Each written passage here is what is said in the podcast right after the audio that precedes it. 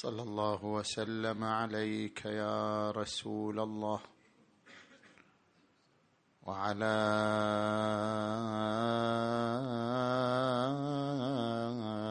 أهل بيتك المنتجبين يا ليتنا كنا معكم فنفوز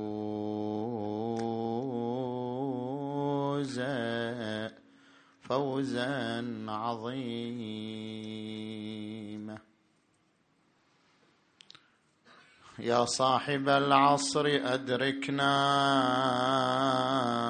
فليس لنا ورد هنيء ولا عيش لنا رغد. طالت علينا طالت علينا يا يا. ليالي الانتظار فهل.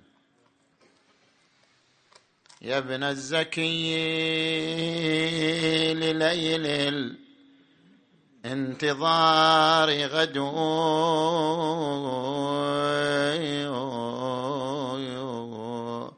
فاكحل بطلعتك الغراء لنا مقلا يكاد يأتي على إنسانها الرمد.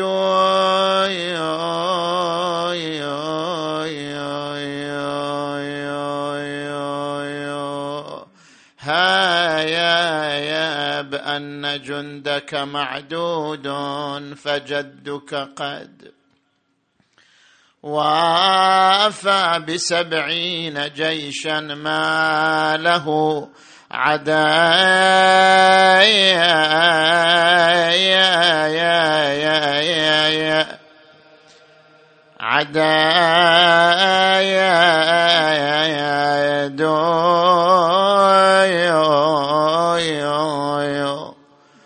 يا يا يا يا يا يا يا غدا تجاهد من أعدائه نفرا جدوا لإطفاء نور الله. ويا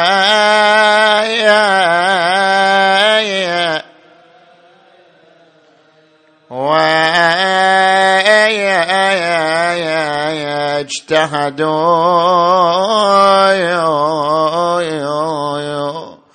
وعصبة جحدوا حق الحسين كما من قبل حق أبيه المرتضى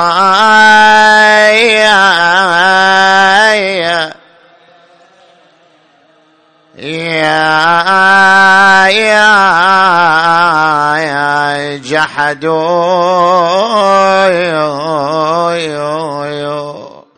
فشد فيهم بأبطال إذا برقت. سيوفهم مطروا حتفا وما يا وما يا رعد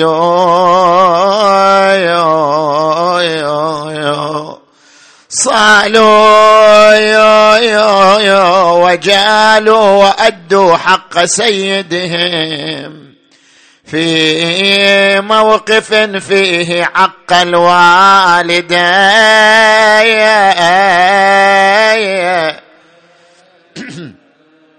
الوالدة الولد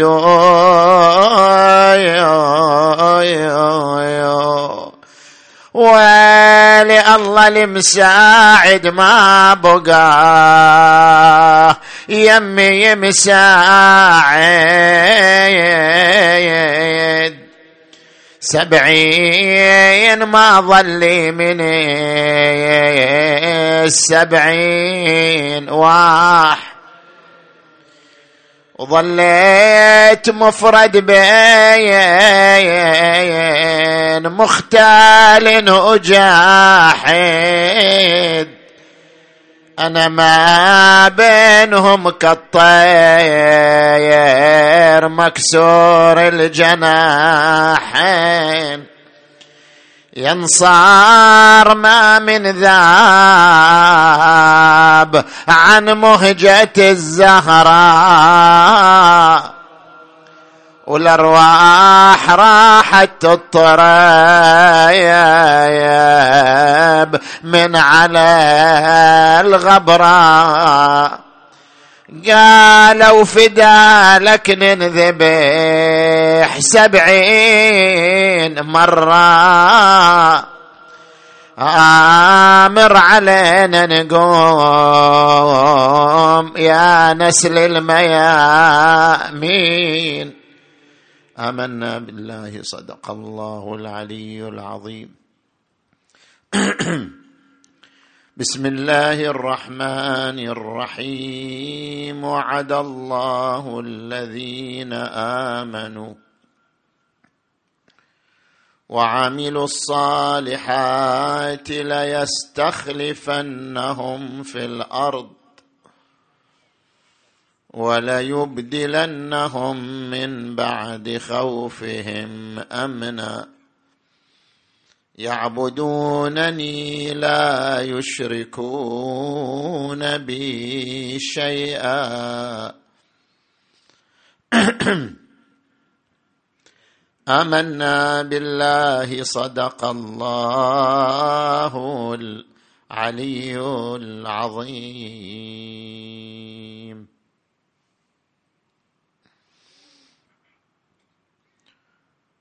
انطلاقا من الآية المباركة. نتحدث في محورين. المحور الأول في سنة الاستخلاف وثوابت الخلافه والمحور الثاني في الروايات التي قد يتوهم دلالتها على ما يتنافى مع نظرية الخلافة. نجي إلى المحور الأول. إذا استقرأنا مجموعة من الآيات القرآنية وجدنا أن من السنن القرآنية من السنن الإلهية سنة الاستخلاف. لم يمر على الأرض عصر دون خليفة. لم يمر على الكون زمن دون خليفة. القرآن يصرح أن لله سنة في الوجود ألا وهي سنة الاستخلاف. بدأ هذه السنة منذ يوم آدم. وإذ قال ربك للملائكة إني جاعل في الأرض خليفة. قالوا أتجعل فيها من يفسد فيها ويسفك الدماء ونحن نسبح بحمدك ونقدس لك؟ قال إني أعلم ما لا تعلمون. ثم لما جاء زمن داود عليه السلام صرح بمنصب الخلافة يا داود إنا جعلناك خليفة في الأرض فاحكم بين الناس. وعندما تحدث عن قوم بني إسرائيل أيضا نص على منصب الخلافه وموضوع الخلافه فقال ونريد أن نمن على الذين استضعفوا في الأرض ونجعلهم أئمة ونجعلهم الوارثين. ثم لما جاء إلى زمن النبي محمد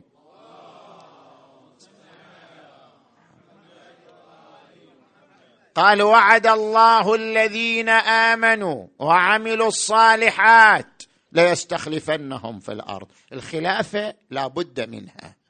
ليستخلفنهم في الأرض وليمكنن لهم دينهم الذي ارتضى لهم وليبدلنهم من بعد خوفهم أمنا. يعبدونني لا يشركون بي شيئا.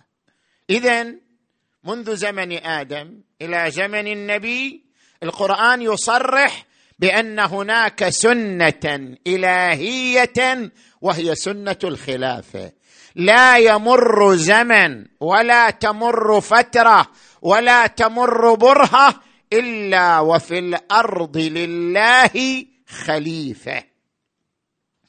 من هذا المنطلق أي من منطلق سنة الخلافة جاءت نظرية الإمامية أن الأرض لا تخلو من إمام. الإمامية من أين أخذوا النظرية؟ من القرآن. القرآن هو الذي يصرح أن الأرض لا تخلو من خليفة منذ يوم آدم وحتى آخر الزمان.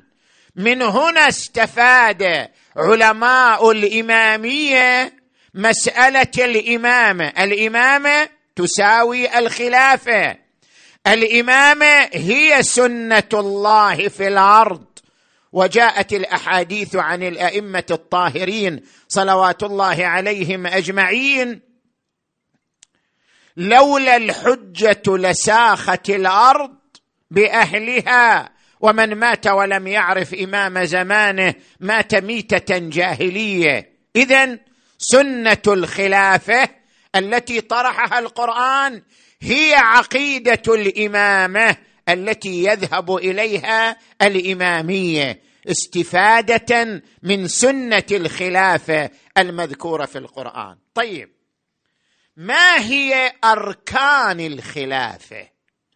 نحن عندما نقول بأن سنة الخلافة سنة إلهية لا يخلو منها زمن. ما هي أركان الخلافة؟ ما هي ثوابت الإمامة؟ نجي إلى عدة أركان. الركن الأول أن الهدف من الخلافة إقامة العدالة على الأرض.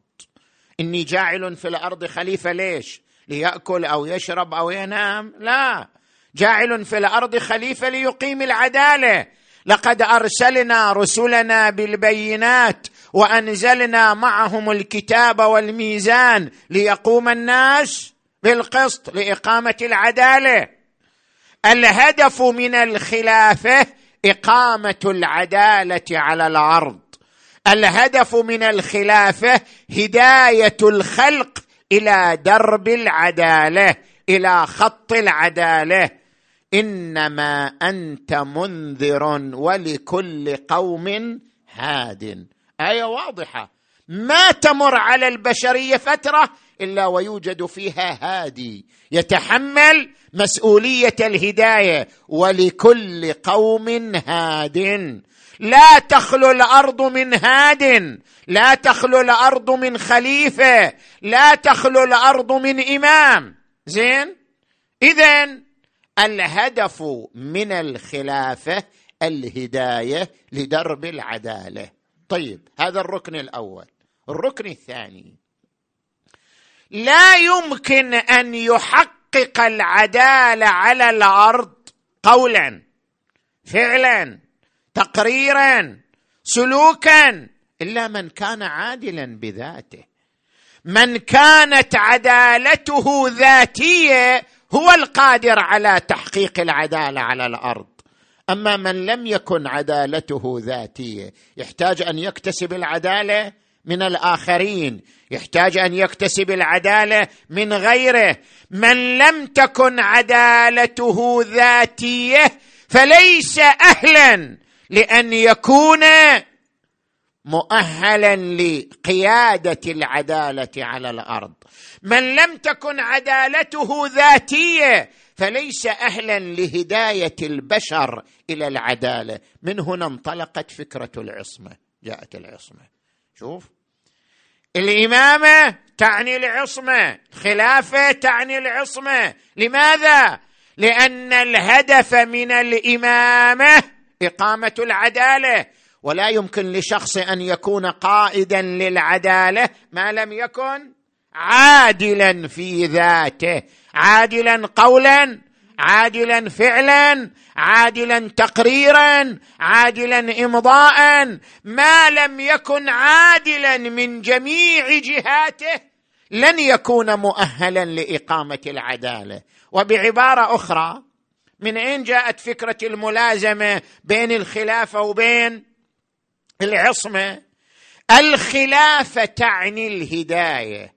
أن يكون هذا الإنسان مصدر هداية. في قوله مصدر هداية. في سلوكه مصدر هداية. في تصرفاته ومواقفه مصدر هداية. لا يمكن أن يكون الإنسان مصدر هداية في كل جوانبه إلا إذا كان مهتديا في ذاته.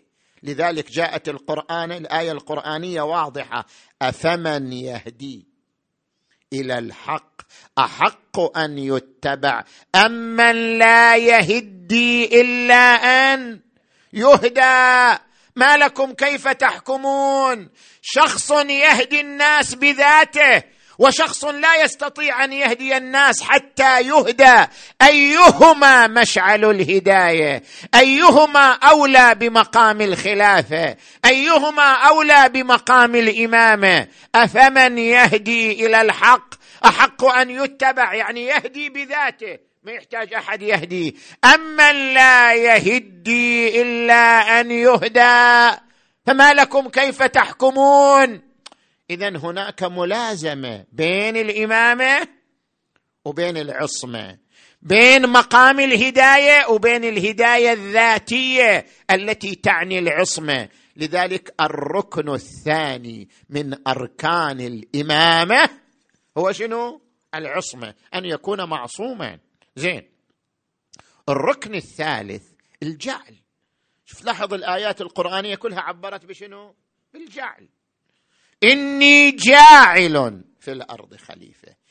يا داود إنا جعلناك في الأرض خليفة. وجعلناهم أئمة يهدون بأمرنا.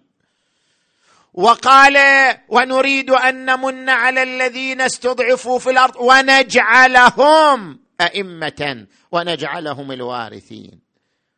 كل الآيات في حق إبراهيم الخليل عليه وعلى نبينا وآله أفضل الصلاة والسلام. وإذ ابتلى إبراهيم ربه بكلمات فأتمهن قال إني جاعلك للناس إماما. اذا كل الآيات التي تتحدث عن الخلافة تذكر الجعل الإلهي. تتحدث عن الإمامة تذكر الجعل الإلهي. من هنا نستفيد ركنا من أركان الخلافة. أن الخلافة تعني شنو؟ تعني النص تعني الجعل الإلهي. ولا تنفك عنه أبدا. والعقل يقرر ذلك. يعني العقل يقول إذا كان الإمام هو أعدل الناس إذا كان الإمام معصوما لا يمكن أن يميز المعصوم من غيره إلا الله عز وجل. لذلك الامامه تحتاج إلى النص الإلهي. من هنا جاءت الآية القرآنية وربك يخلق ما يشاء ويختار ما كان لهم الخيره الله هو الذي يختار. الله هو الذي يعرف المؤهلين. الله هو الذي يعرف الكفاءات. الله هو الذي يميز القيادات. اذا لابد من نص إلهي. زين. نجي إلى الركن الرابع. الاستمرار. أن الخلافه مستمره إلى يوم القيامة. لا يمر زمن بدون خلافه. وعد الله الذين آمنوا منكم.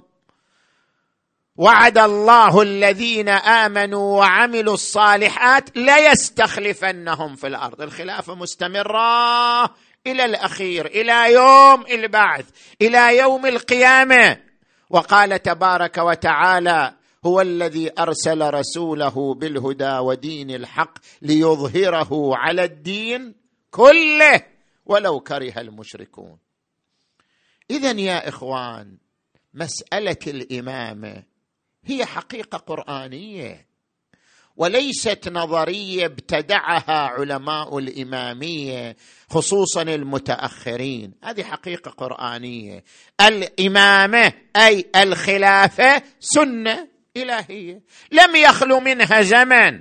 وهذه السنة ذات أركان أربعة. هدف إقامة العدالة. عصمة نص إلهي استمرار. إلى أن يرث الله الأرض ومن عليها. لذلك يا إخوان لابد أن نفرق بين الثوابت وبين الضرورات. أكو بعض الأسئلة إجتنا في الحوار. أنت تقول أن الضرورات تتغير يعني يأتي زمان ما كانت المعلومة ضرورية. بعد زمان تصبح المعلومة ضرورية من ضروريات الإمامية. اذا أين ثوابت الإمامية؟ إذا كانت المعلومات قد تتغير لم تكن ضرورة أصبحت ضرورة. اذا أين ثوابت الإمامية؟ أين ثوابت الفكر الإمامي؟ يعني الفكر الإمامي ما إلى ثوابت؟ نعم له ثوابت أربعة. هذه الثوابت متلازمة عقلا. لا يمكن التفكيك بينها عقلا. خلافه بهدف إقامة العدالة. إقامة العدالة تحتاج إلى عدالة ذاتية وهي العصمة. تمييز المعصوم من غيره يحتاج إلى نص إلهي. هذه الخلافة سنة إلهية مستمرة إلى يوم القيامة إلى الخاتم القائم المهدي. عجل الله تعالى فرجه الشريف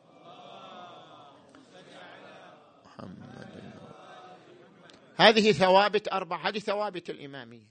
أما غير هذه الثوابت نعم قد تكون نظريات قد تكون ضروريات. أن الإمام يعلم علم ما كان وما يكون وما هو كائن ربما هذه المعلومة في زمن الشيخ المفيد ما كانت من الضروريات أصبحت في زماننا من الضروريات. أن الإمام له الولاية التكوينية والتشريعية ربما ما كان في زمن من الضروريات صار في زمن آخر من الضروريات. ربما. هذا النوع من صفات الإمام هذا النوع من خصال الإمام يمكن أن يعرض عليه التطور والتكامل من نظري إلى ضروري. أما ثوابت الإمامة أركان الإمامة أي ما يتقوم به منصب الخلافه عقلا هذه هي ثوابت الإمامية في كل زمن. أصلا لا معنى للإمامة إلا بهذه الثوابت الأربعة وبهذه الأركان الأربعة. لأجل ذلك نأتي إلى المحور الثاني من حديثنا. صلوا على محمد وآل محمد.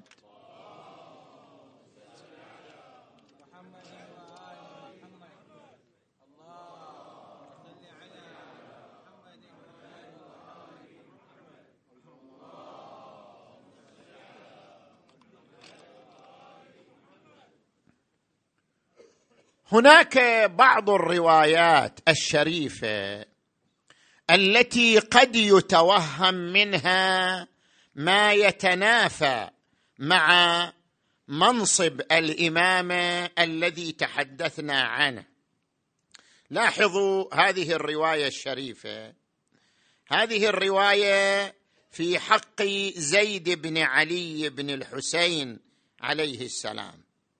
رواية صحيحة ذكرها الشيخ الكليني في الكافي الجزء الأول آه، حديث 1745 عدة من أصحابنا إلى أن يقول عن علي بن الحكم عن أبان قال أخبرني الأحول. من هو الأحول؟ مؤمن الطاق. كان من المناظرين والمدافعين عن الإمامة في زمن الأئمة. مؤمن الطاق التقى بزيد بن علي بن الحسين. بعث زيد بن علي إلى مؤمن الطاق وهو مستخف يعني كان يتخفى من بني أمية. قال فأتيته فقال لي يا أبا جعفر. أبو جعفر من هو؟ مؤمن الطاق. المتحدث هو زيد بن علي. يا أبا جعفر ما تقول إن طرقك طارق منا؟ أتخرج معه؟ يعني أنا الآن سأخرج على الظالمين سأخرج على بني أمية. هل ستخرج معي يا أبا جعفر؟ هذا كلام زيد بن علي. فقلت له إن كان أباك هو الذي سيخرج يعني زين العابدين. أو أخاك يعني الإمام الباقر. خرجت معه. فقال لي فأنا أريد أن أخرج أجاهد هؤلاء القوم. يقصد بني أمية. فاخرج معي. قال قلت لا ما أفعل. جعلت فداك. فقال لي أترغب بنفسك عني؟ يعني انت بخيل بنفسك. أنا اريدك ان تخرج معي لمحاربة الظالمين. اتبخل بنفسك اترغب بنفسك عني. قلت له إنما هي نفس واحدة. أنا ما عندي إلا نفس واحدة. يا أصرفها وياك. يا أصرفها مع عمك مع أبيك مع أخيك. إنما هي نفس واحدة. فإن كان لله في الأرض حجة. فالمتخلف عنك ناج والخارج معك هالك. وإن لا تكن لله حجة في الأرض فالمتخلف عنك والخارج معك سواء. إما يوجد إمام على الأرض اذا لازم نرجع للإمام مو إلك أنت. وإذا ماكو إمام فدورك أنت لغو. إن كان هناك إمام على الأرض اذا لابد أن نتبع ذلك الإمام. هو يأذن لنا بالخروج أو ما يأذن. وإذا ما أكو إمام على الأرض اذا فالخارج معك وغير الخارج على حد سواء لأنك لست بإمام. زين. شنو قال؟ زيد. فقال لي يا أبا جعفر يعني أنت تعلمني. أنا ابن الإمام زين العابدين وأنت جاي تعلمني. يا أبا جعفر كنت أجلس مع أبي يعني زين العابدين على الخوان يعني المائدة. فيلقمني البضعة السمينة. يختار لي اللحمه السمينة يلقمني إياها. فيلقمني البضعة السمينة ويبرد لي اللقمة الحارة حتى تبرد شفقة علي. ولم يشفق علي من حر النار إذ أخبرك بالدين ولم يخبرني به. يعني أنت يعلمك الدين وأنا ما يعلمني. يشفق علي من لقمة حارة ولا يشفق علي من النار. اذا أنا أعرف منك بهذه الأمور مو أنت اللي تعلمني. لو كان هذا الأمر لازما لعلمني أبي زين العابدين. شفقة علي. فقلت له جعلت فداك. من شفقته عليك من حر النار لم يخبرك.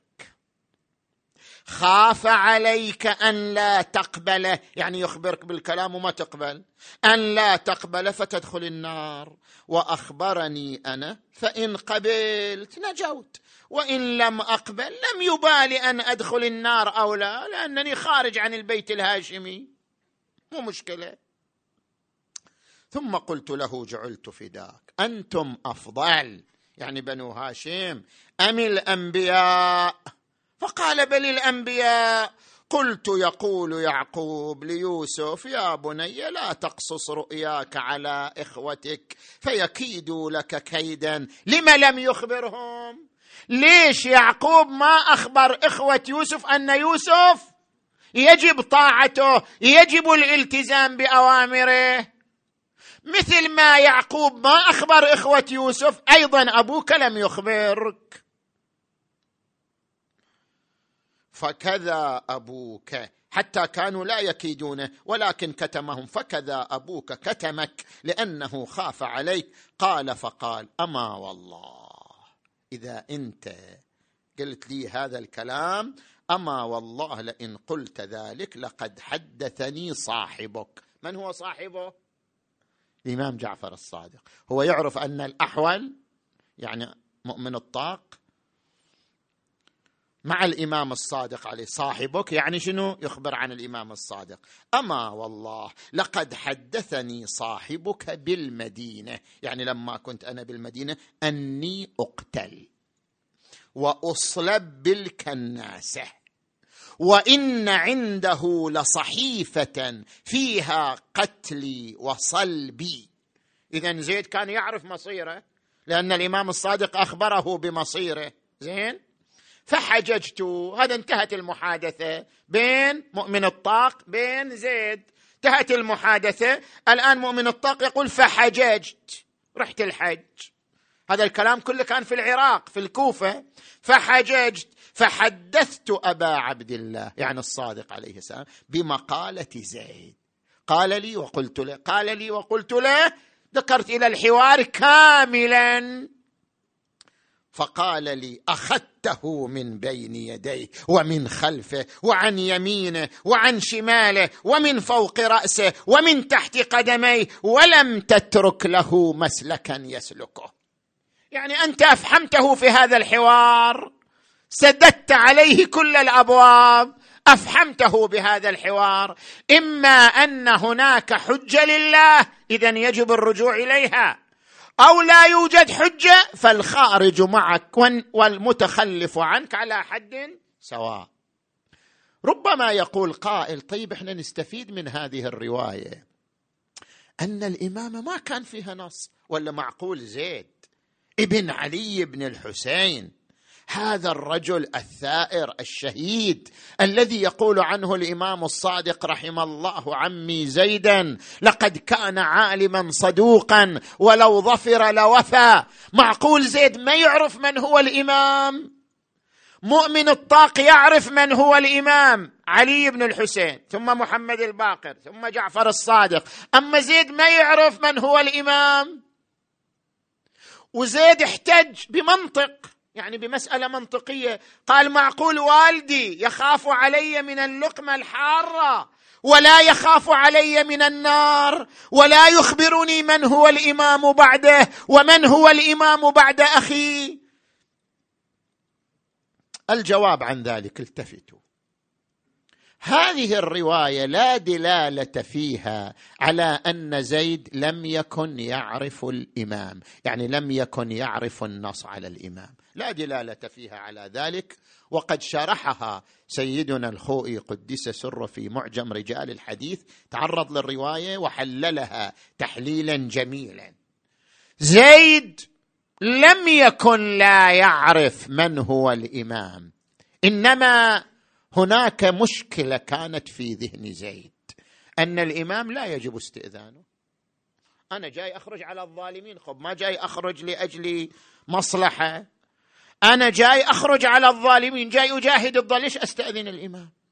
زيد كان يعتقد في ذهنه أن الخروج لمجاهدة الظالمين لا يحتاج إلى إذن. بما أنه لا يحتاج إلى إذن اذا اخرج معي. مؤمن الطاق؟ قال لا لا. حتى هذه تحتاج إلى إذن. تحتاج إلى الرجوع إلى الإمام. إنما هي نفس واحدة. أنا مسؤول عن نفسي. فإذا كنت مسؤولا عن نفسي اذا لابد أن أستأذن فيها الحجة لله على الأرض. فإن كان لله على الأرض حجة فالمتخلف عنك ناج والخارج معك هالك لأنه بدون إذن الحجة. وإن لم يكن لله على الأرض حجة فالخارج معك والمتخلف عنك على حد سواء. وبما أن لله حجة إذن لا مجال إلا الاستئذان منه. أما أخرج معك بدون إذن هذا غير ممكن. اذا زيد لم يناقش في النص على الامامه إنما ناقش في جزئية معينة. هل يستأذن الإمام في الخروج لمجاهدة الظالمين أم لا؟ والدليل على أن زيد ما كان ينكر الامامه كلامه الأخير. قال أما والله إن قلت ذلك إن صاحبك أخبرني. يعني هو يعتقد أن الإمام الصادق عليه السلام هو مصدر العلم هو مصدر المعرفة. لذلك استند إليه قال أما والله لئن قلت ذلك إن صاحبك أخبرني بالمدينة أني أصلب أني أقتل وأصلب كالناس وأن عنده صحيفة فيها قتلي وصلبي. اذا هذه الرواية لا تصلح لرد القول بالنص أن الإمامة بالنص. زين نجي إلى الرواية الأخرى. الرواية الأخرى قد يستظهر منها من هذه الرواية الأخرى أن علماء أهل البيت صلوات الله وسلامه عليهم مجرد علماء أبرار وليسوا معصومين. لاحظوا؟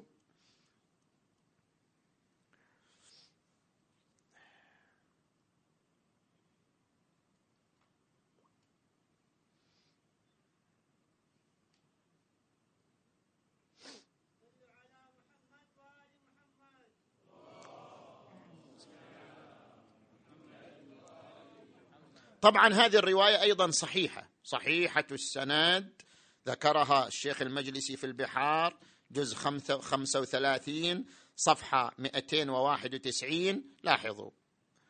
عن أبي العباس البقباق تذاكر ابن أبي يعفور. عبد الله بن أبي يعفور من أعاظم فقهاء الشيعة في زمن الأئمة. والمعلى بن خنيس تذاكروا؟ يعني بينهم حوار.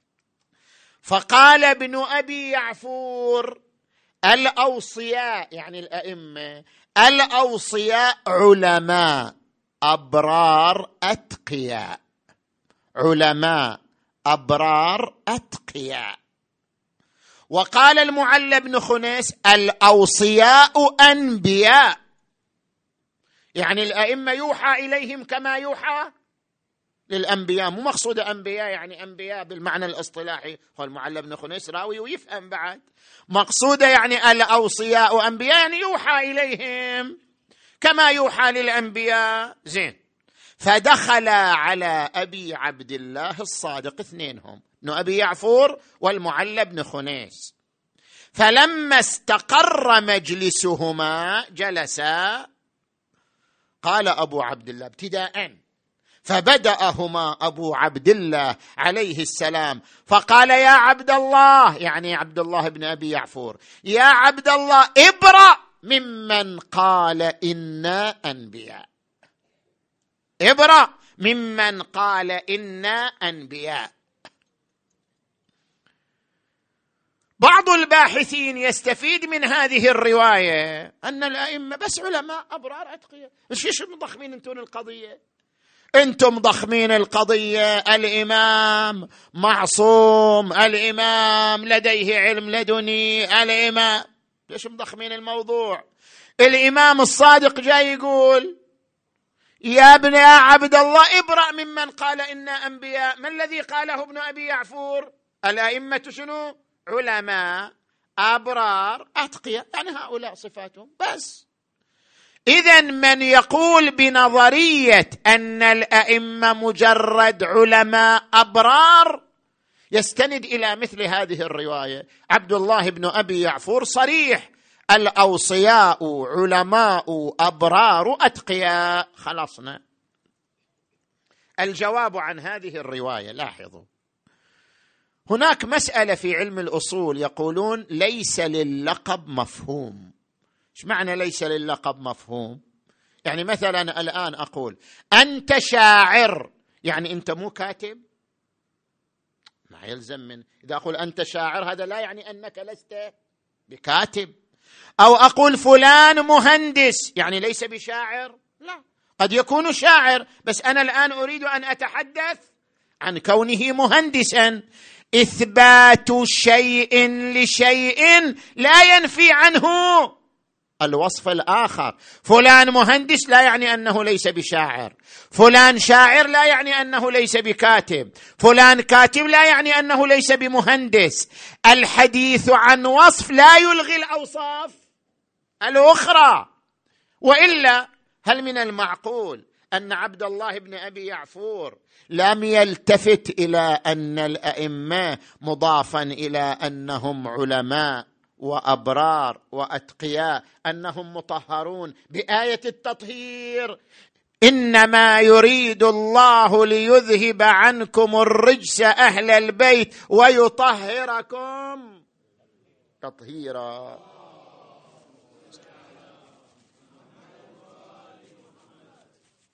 هل من المعقول أن ابن أبي يعفور لم يلتفت إلى أن الأئمة لديهم علم الكتاب والقرآن الكريم يقول قل كفى بالله شهيدا بيني وبينكم ومن عنده علم الكتاب. هل من المعقول أن ابن أبي يعفور لم يلتفت إلى أن الأئمة لهم الولاية والقرآن يقول إنما وليكم الله ورسوله والذين آمنوا الذين يقيمون الصلاة ويؤتون الزكاة وهم راكعون. اذا ابن أبي يعفور يريد أن ينفي الأنبياء لأنه يريد أن ينفي الصفات الأخرى. واضح من سياق الرواية أن هناك حوار وجدال بين ابن أبي يعفور وبين المعلى بن خنيس. المعلى بن خنيس يقول الأوصياء أنبياء. ابن أبي يعفور يريد أن ينفي هذا الوصف فقط. أنهم ليسوا أنبياء. يعني لا يوحى إليهم. لا يريد أن ينفي سائر الصفات الأخرى بمعنى أنهم ليسوا معصومين ليس لديهم علم الكتاب ليسوا مثلا ليس لديهم الولاية لا. يقول هم علماء وهم علماء طبعا. أبرار وهم أبرار طبعا. أتقياء هم أتقياء طبعا. لا إشكال أن أهل البيت علماء. القرآن الكريم يقول بل هو آيات بينات في صدور الذين أوتوا العلم وهم أيضا أبرار. القرآن يقول عنهم إن الأبرار يشربون من كأس كان مزاجها كافورا. هم أتقياء أيضا. الإمام علي يقول وإنما هي نفسي أروضها بالتقوى.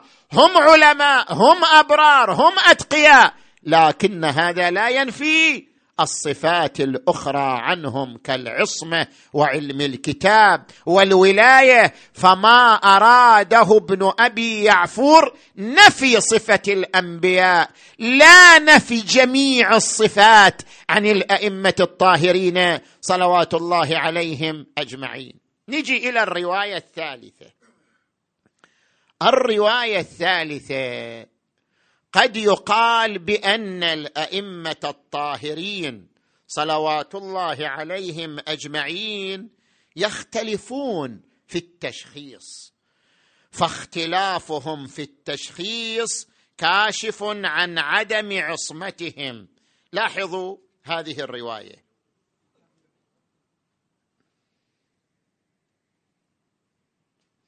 لاحظوا هذه الرواية الشريفة. صحيحة زرارة. قال كنت قاعدا عند أبي جعفر عليه السلام. أنا كنت جالس عند الإمام الباقر أبي جعفر. كنت قاعدا عند أبي جعفر عليه السلام. وليس عنده غير ابنه جعفر. يعني الإمام الصادق كان جالس وياه. فقال يا زرارة نفس الإمام الباقر ابتدأ زرارة بالكلام. يا زرارة إن أبا ذر رضي الله عنه وفلان تنازعا على عهد رسول الله صلى الله عليه وآله. فقال فلان كل مال من ذهب أو فضة يدار به. يدار به يعني شنو؟ يتجر به. يدار به ويعمل به ففيه الزكاة. يعني أموال التجارة فيها زكاة إذا حال عليها الحول. فقال أبو ذر أما ما اتجر به أو دير أو عمل به فليس فيه زكاة. فاختلف أبو ذر مع فلان هل مال التجارة فيه زكاة أم ليس فيه زكاة؟ زين. فجاء إلى رسول الله صلى الله عليه وآله. فقال النبي صلى الله عليه وآله القول ما قال أبو ذر مال التجارة ليس فيه زكاة. فقال أبو عبد الله لاحظوا هذه الفقرة. فقال أبو عبد الله يعني الصادق لمن؟ لأبيه يعني من؟ الباقر. ما تريد إلا أن تخرج مثل هذا فيكف الناس أن يعطوا فقراءهم ومساكينهم. فقال أبوه يعني الباقر عليه السلام إليك عني لا أجد منها بدا. فقد يقول قائل هذه الرواية تدل على أن الأئمة يختلفوا. الباقر جالس وابن الصادق جالس وطرحوا مسألة الزكاة والإمام الباقر قال الزكاة لا تجب في أموال التجارة والصادق اعترض عليه قال شلون ما تجب في أموال التجارة؟ هذا يعني أن يكف الناس أن يعطوا فقراءهم ومساكينهم. أجابه الإمام الباقر إليك عني لا أجد منها بدا. يعني لازم أطرح هذا الحكم. إليك عني لا أجد منها بدا. فقد يقال إن ظاهر هذه الرواية أن الأئمة يختلفون واختلافهم دليل على عدم عصمتهم. فكيف نجيب عن هذه الرواية؟ لاحظوا يا إخوان. أيضا نرجع لما ذكره سيدنا الخوي بحر العلم سيدنا الخوي. معتقدات تفسير قرآن بحوث فقهية بحوث استدلالية تجدونها في ثنايا كلامه ومطاوي كتبه رضوان الله تعالى عليه وقدس سره الشريف. السيد الخوئي تعرض إلى هذه الرواية في بحوثه. فماذا قال؟ طبعا يجوك ناس يقول لك ماذا انتج لنا فقهاء الحوزة؟ ما انتجوا لنا إلا الفقه والأصول. لم يتحدثوا في التفسير لم يتحدثوا في العقيدة لم يتحدثوا عن قضايا أهل البيت. ما وجدنا منهم تراثا إلا في الفقه والأصول. هذا القول ناشئ عن عدم القراءة والتتبع.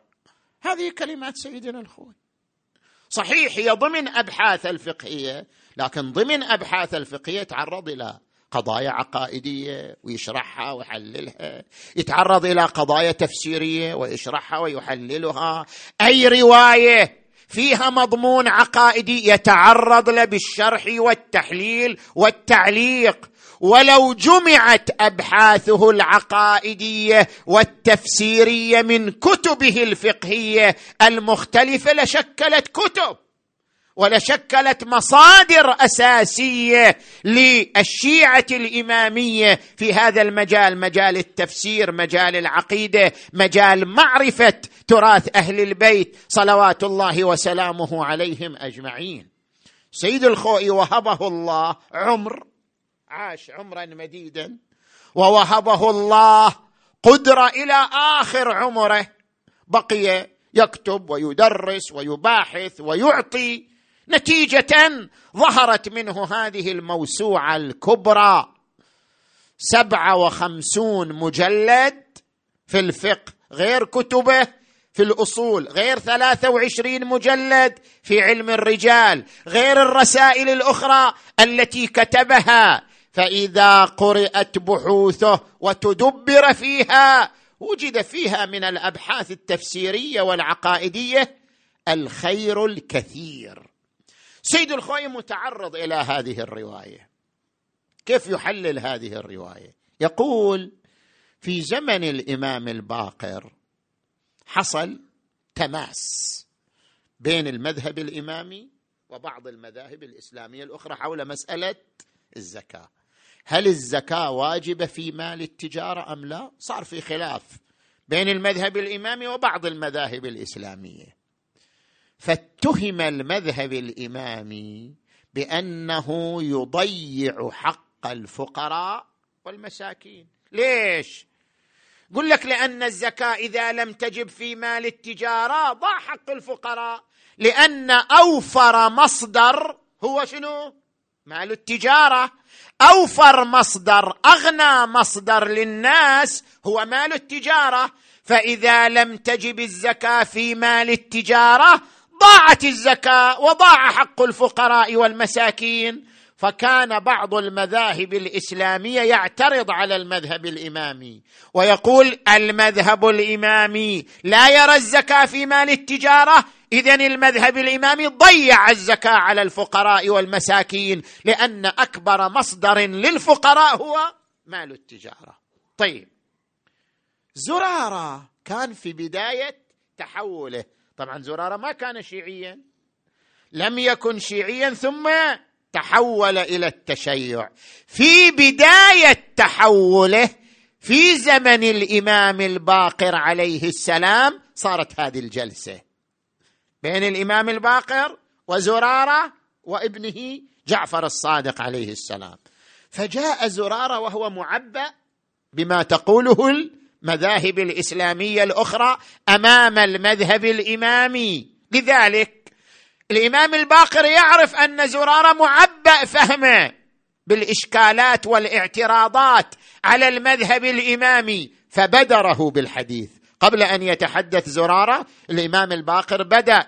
قال يا زرارة اختصم أبو ذر وفلان هل تجب زكاة في مال التجارة أم لا؟ اختصم إلى رسول الله الرسول قال الحق مع أبي ذر يعني لا زكاة في مال التجارة. لماذا الباقر ابتدأ بالحديث؟ حتى يزيل الشبهه عن ذهن زرارة. أننا يعني الإمام الباقر يقول أننا في هذا الحكم نمشي على قول محمد رسول الله. محمد. وليس من عندنا هذا هذا من رسول الله. طيب ليش الإمام الصادق تكلم؟ الإمام الصادق أراد أن ينقل إشكال شنو؟ المذاهب الأخرى على المذهب الإمامي. لأنه أراد أن يقت أن يقتنع زرار بتمام الجهات فجاء بالإشكال. قال لأبيه يا أبا ما تريد إلا أن تخرج هذا فيكف الناس عن فقرائهم ومساكينهم. هذا مو اعتراض من الإمام الصادق وإنما ينقل اعتراض المذاهب الإسلامية على المذهب الإمامي. ينقل الاعتراض إلى أبيه الإمام الباقر. إمام الباقر أجابه. قال له إليك عني. يعني لا يمكن أن أخذ بهذا الكلام ما دام هذا الحكم حكم رسول الله صلى الله عليه وآله. فلا بد لي من بيانه ولا بد لي من الإفصاح عنه. ولا يهمني أن يقال عني أنني ضيعت حق الفقراء والمساكين. ما دام الحكم ليس مني وإنما هو حكم مورث عن محمد رسول الله.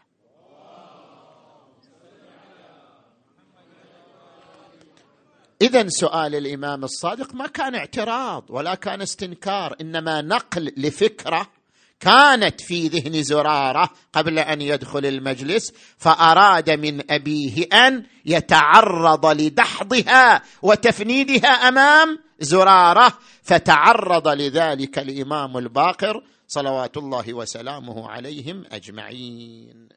اذا نستنتج من ذلك أن الإمامة بأركانها وثوابتها تم الحديث عنها وأن ما ذكر من الروايات الشريفة كاعتراض على أركان الإمامة قد تم الجواب عنه.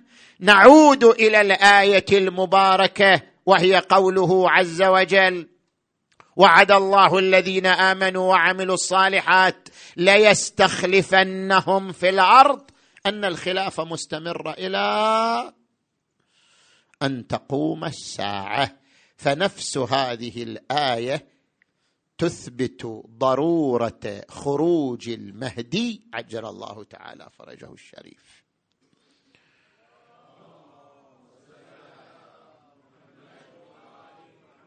ظهور إمام لا محالة خارج يسير على اسم الله.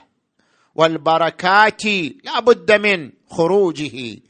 وقد ورد عن النبي في كتب جميع المذاهب الإسلامية لو لم يبق من الدنيا إلا يوم لبعث الله رجلا من أهل بيتي يملأ الأرض قسطا وعدلا كما ملئت ظلما وجورا.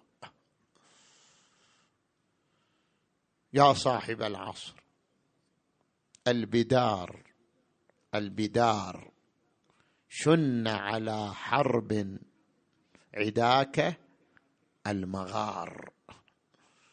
الشاعر يتوجه إلى الإمام عجل الله فرجه الشريف بهذه الأبيات.